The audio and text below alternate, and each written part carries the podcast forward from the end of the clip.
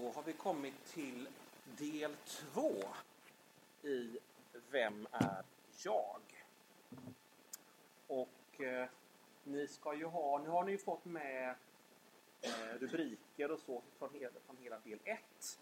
Eh, och frågeställningar på det, och, men också det som kommer här. Vi ska börja med lite repetition.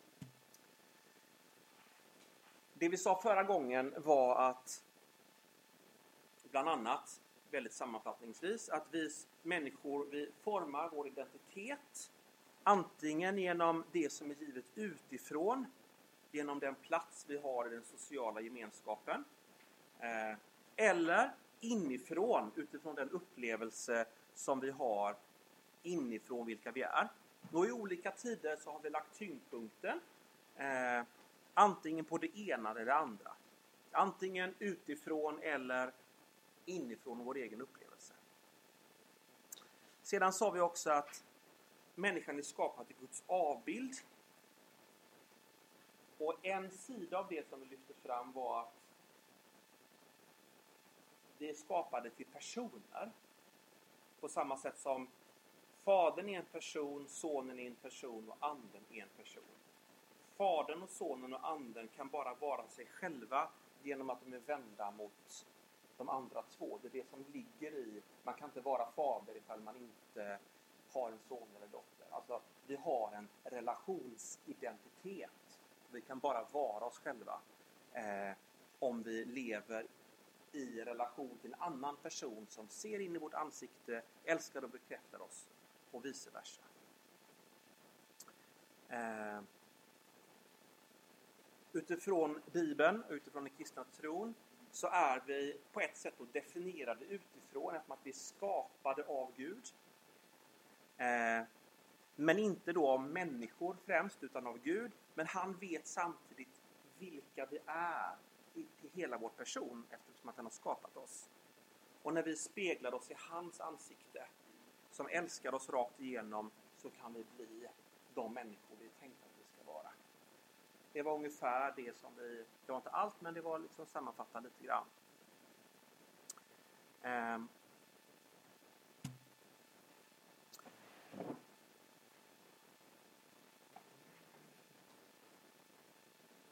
Men vi vet ju att det är, det är ju inte så enkelt eh, att vi bara av oss själva förstår att vi, att vi är älskade av Gud och att vi är skapade till Guds avbild. Det finns ju, det där är ganska liksom, dunkelt och svårt att ta till sig och leva i. Och det har att göra med det som är vårt gemensamma problem och det ska vi försöka på något sätt ringa in och samtala om idag. Eh, man skulle kunna säga så här att vi människor på ett omedvetet plan har bytt ut att vara älskade av Gud mot att ha kontroll över vår status inför andra människor genom våra prestationer. Och det är därför som vår självkänsla åker jojo i förhållande till hur väl vi lyckas med projektlivet. Människans problematik kan sammanfattas med att hon vill vara autonom, självständig i förhållande till Gud, för vars kärlek hon är skapad. Så att hon kan ge sig själv ett värde och själv definiera vem jag är och därmed också vad som är rätt och fel bara för mig. Vi ska titta på det här mer snart. Och i Bibeln så får vi ett utifrån perspektiv på oss själva. Ett perspektiv som egentligen bara skaparen eh, kan ha eh, om oss människor. För vad, som är, vad vi är för varelser och vad syftet är med vårt liv. Och det börjar med som sagt att vi skapade i Guds avbild. Men Bibeln beskriver också vad som är vårt gemensamma problem. Och jag nämnde det kort förra gången. Eh, och det här kallas för fallet eller syndafallet. Vi ska titta på den texten idag eh, och se hur den svarar mot det som är vår existentiella brottning. Jag läser helt enkelt bara till här. Ormen var listigast av alla vilda djur som Herren Gud hade gjort. Den frågade kvinnan, har Gud verkligen sagt att ni inte får äta av något träd i trädgården? Kvinnan svarade, vi får äta frukt från träden, men om frukten från trädet mitt i trädgården har Gud sagt, ät den inte och rör den inte. Gör ni det kommer ni att dö. Ormen sa, ni kommer visst inte att dö. Men Gud vet att den dag ni äter av frukten öppnas era ögon och ni blir som gudar med kunskap om gott och ont. Kvinnan såg att trädet var gott att äta av. Det var en fröjd för ögat och ett härligt träd eftersom det skänkte vishet. Hon tog av frukten och åt. Då öppnades deras ögon och de såg att de var nakna. Och de fäste ihop fikonlöv och band dem kring höfterna. De hörde Herren Gud vandra i trädgården i den, i den svala kvällsvinden. Då gömde sig mannen och kvinnan bland träden för Herren Gud. Men Herren Gud ropade på mannen. Vad är du? Han svarade. Jag hörde dig komma i trädgården och blev rädd eftersom jag är naken. Och så gömde jag mig. Herren Gud sa. Vem har talat om för att du är naken? Har du ätit av trädet som jag förbjöd att äta av? Mannen svarade. Kvinnan som du har ställt vid min sida, hon gav mig av trädet och jag åt. Då sa Herren Gud till kvinnan, vad är det du har gjort? Hon svarade, ormen lurade mig och jag åt. Eh, först så vill jag bara säga att det som vi ser här kallar jag för mytologisk historia. Alltså, eh, och med det menar jag att det är händelser som, har, som de facto har skett men som är beskrivna med symbolspråk. Eh, det är inte så att jag eller kristna i tidigare historien har tänkt att det var en faktisk orm som kom fram slingrandes där i gräset. Det är inte så vi ska förstå det. Eh, på samma sätt som det är med alla symboler. Om jag ser en en, en vägskylt där det står Jönköping på eh, så är ju inte skylten Jönköping. Men den refererar ju till en faktisk stad. Är ni med? Eh, och fallet handlar om det, vad det är för val som människan gör när hon äter av frukten eh, för att bli så som Gud och vad det får för konsekvenser. Till att börja med, vad är det som är så frestande, frestande med att bli så som Gud med kunskap och gott och ont. Vad är, vad är kroken så att säga? Eh, jo, det är att kunna definiera vad som är gott och ont, avgöra vad som är gott och ont bara utifrån mig. Om det goda är gott för att jag säger att det är så och det onda är ont för att jag säger att det är så. Då är det ju jag som är Gud i hela tillvaron som drar gränserna. Och då är jag ju så att säga min egen Gud. Ett annat sätt att formulera det här det är att eh, äta frukten på detta träd står för att vilja leva utan och vara oberoende av Guds kärlek, Guds vänskap, hans godhet och lära mig att leva livet utan honom. Um, om jag kan lära mig att leva utan Gud och klara mig helt själv, då är jag så att säga som barnet som knuffar bort mästerpianisten från pianostolen som spelar där tillsammans med mig för att jag ska få allt beröm själv. Um, så det Adam och Eva väljer, det är att få den glädje och den lycka de längtar efter genom att vara duktiga och framgångsrika. De bytte ut glädjen i kärlekens gemenskap med Gud till glädjen över den egna framgången. Om jag då lyckas med mitt liv utan Guds hjälp, då är det ju bara jag som får all ära för det jag har gjort.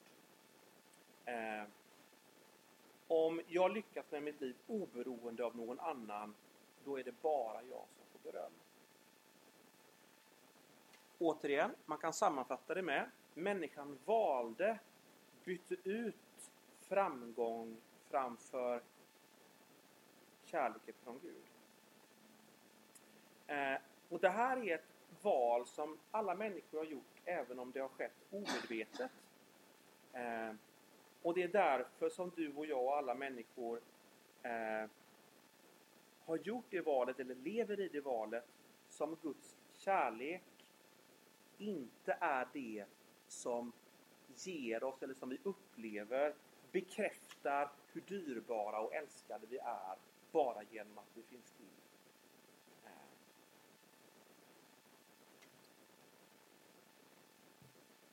Vad är då resultatet av detta? Eh. Det, först, det som vi kallar för synd i kyrkan, det är inte till sitt innersta väsen att vi gör fel saker. Utan det är inriktningen på livet. Alltså riktningen som vi har. Eh, att våra fel är, våra liv är felvända. Ehm, det grekiska ordet för synd i Nya Testamentet, det är hamartia. Och det betyder bokstavligen att missa målet. Och varför missar jag målet? Jo, därför att mitt liv har fel fokus. Det är inriktat åt fel håll. Ehm, för att ta en bild. Om jag, när jag ska köra till eh, Göteborg, kör in på fel sida av motorvägen. Alltså fel riktning. Då kommer jag samtidigt bryta mot många regler. Men alla regelbrott som jag gör längs vägen är konsekvens av fel riktning. Är ni med på det? Så att det är första konsekvensen. Eh, den andra är skam. Om vi tänker på berättelsen nu. Vad är det det första som händer när Adam och Eva har ätit av frukten? Jo, det är att de börjar skämmas för sig själva. De tycker inte att de duger och det står att de tar på sig fikonlöv. Eh, därför att de förstår att de var nakna. Eh, och fikon... Och vad är det som gör... Var kommer, var, kommer, var kommer skammen ifrån? Varför skäms de? Var kommer den här känslan ifrån av att inte duga? Jo, den kommer ju från dem själva. Det är ju de som har sagt Jag måste bli något mer än vad jag redan är för att vara någon. Och då har man ju sagt till sig själv att jag är misslyckad om jag inte lyckas.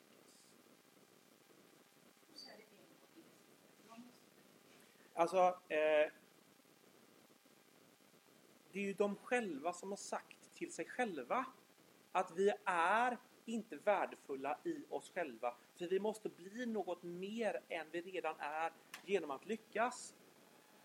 Och därför när de misslyckas så är det de själva som har sagt till sig själva att de är misslyckade. Ni har ju det här inspelat så att ni kommer, kan lyssna på det här. Jag vet, det här är lite komplext. Eh, men, men det kommer tillbaka på så många olika sätt. Så att ni, ni greppar det så småningom. Jämförelse. Eftersom jag inte vet om jag duger, om jag är bra nog, så måste jag jämföra mig med andra. Vi börjar mäta mot vårt värde genom att se om vi är bättre eller sämre än andra. Eh, och Det gör vi ju eftersom att vi inte vet vilka vi är i Guds ögon. Om att jag inte speglar mig i hans ansikte som ensam vet vad det innebär att vara skapad i Guds avbild, känner mitt värde och vet vem jag är. Om jag inte får det bekräftat av honom så ja, vad, vad ska jag då, hur ska jag då kunna mäta mig? Ja, då gör jag det med andra människor, bättre eller sämre. Och så tycker jag då att mitt värde varierar beroende på var jag, var jag befinner mig i förhållande till andra. Om, jag, om vi vet vilka vi är i Guds ögon så har vi inget behov av att jämföra oss.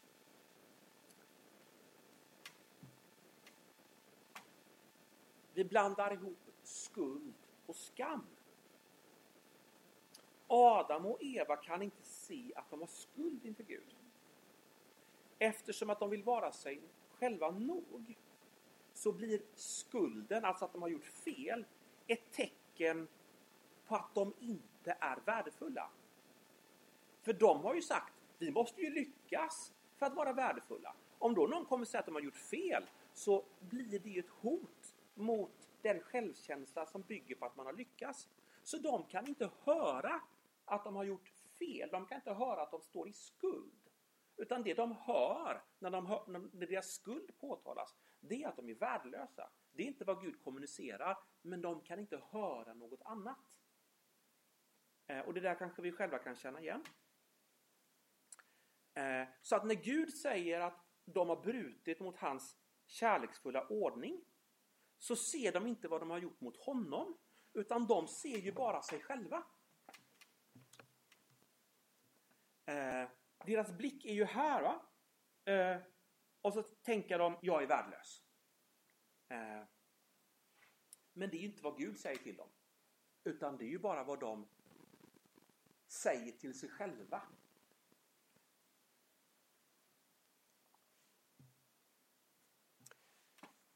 Nästa är att man gör det goda av fel anledning. Jaha, det var ju kul.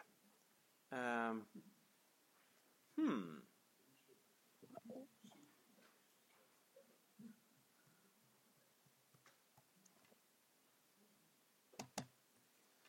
Ja, det är alltid någonting som ska...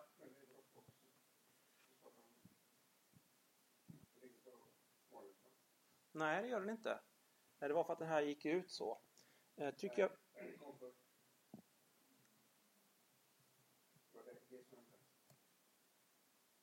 Um...